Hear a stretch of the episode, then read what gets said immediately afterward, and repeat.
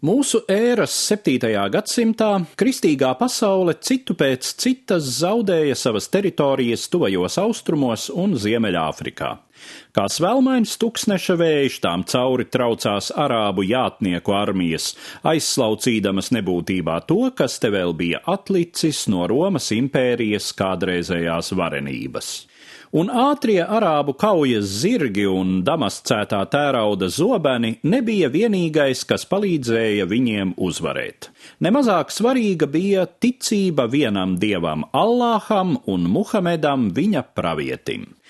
Tā apvienoja un deva pārliecības spēku karotājiem, tā izrādījās pievilcīga arī daudziem iekaroto zemju iedzīvotājiem, kuriem kristīgo Bizantijas imperatoru vāra nebūt nebija mīļa.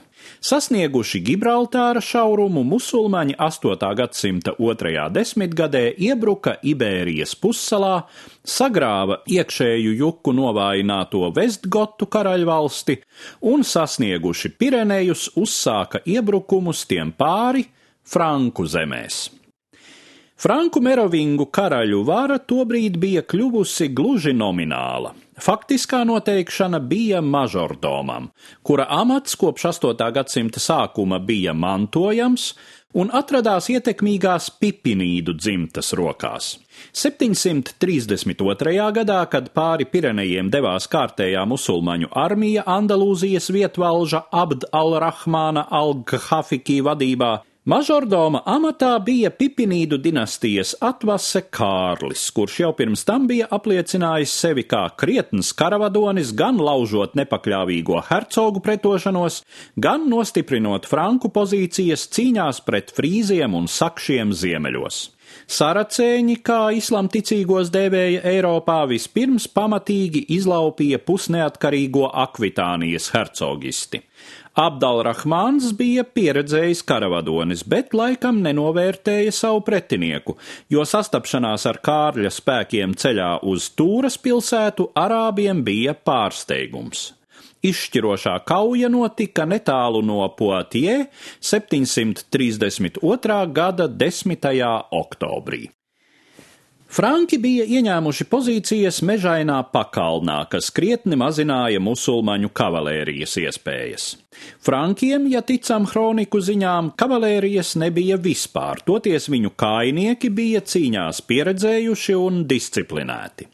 Arābu un berberu jātnieki gan ielauzās franku rindās, bet tās izjaukt nespēja. Tad starp uzbrucējiem izpaudās vēsts, ka franku zemnieku milicija uzbrūkot arābu nometnē, kur savākts bagātīgs kara laupījums.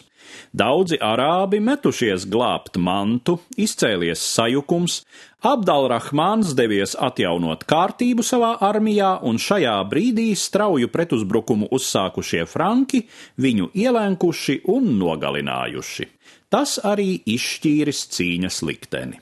Mažordoms Kārlis pēc šīs uzvaras ieguva respektablo pievārdu Martels Āmurs. Līdzinējos gadsimtos Potie kauja Eiropā vērtēta kā ārkārtīgi nozīmīga. Ticis pat apgalvots, ja Kārlis Martels būtu cietis neveiksmi, Eiropa, un domājams arī lielākā daļa pārējās pasaules, šodien būtu islāmticīga. Citi pētnieki gan norāda, ka līdzīgi arābu iebrukumi pāri Pirenejiem notikuši gan pirms, gan pēc potie kaujas, un ka milzīgā Omajādu kalifu impērija tobrīd bija sasniegusi savas varas maksimumu un sākās tās noriets. Tomēr pie Poatie Kārlis Martels lika pamatus savas dzimtas hegemonijai Franku zemēs. Viņš bija de facto karalis, bet viņa dēls Pipins īsais kļuva par pilntiesīgu monarhu. Viņš atņēma troni pēdējam merovingu karalim un aizsāka jaunu dinastiju, kas nesa Kārļa Martela vārdu, saukdamās par karolingiem.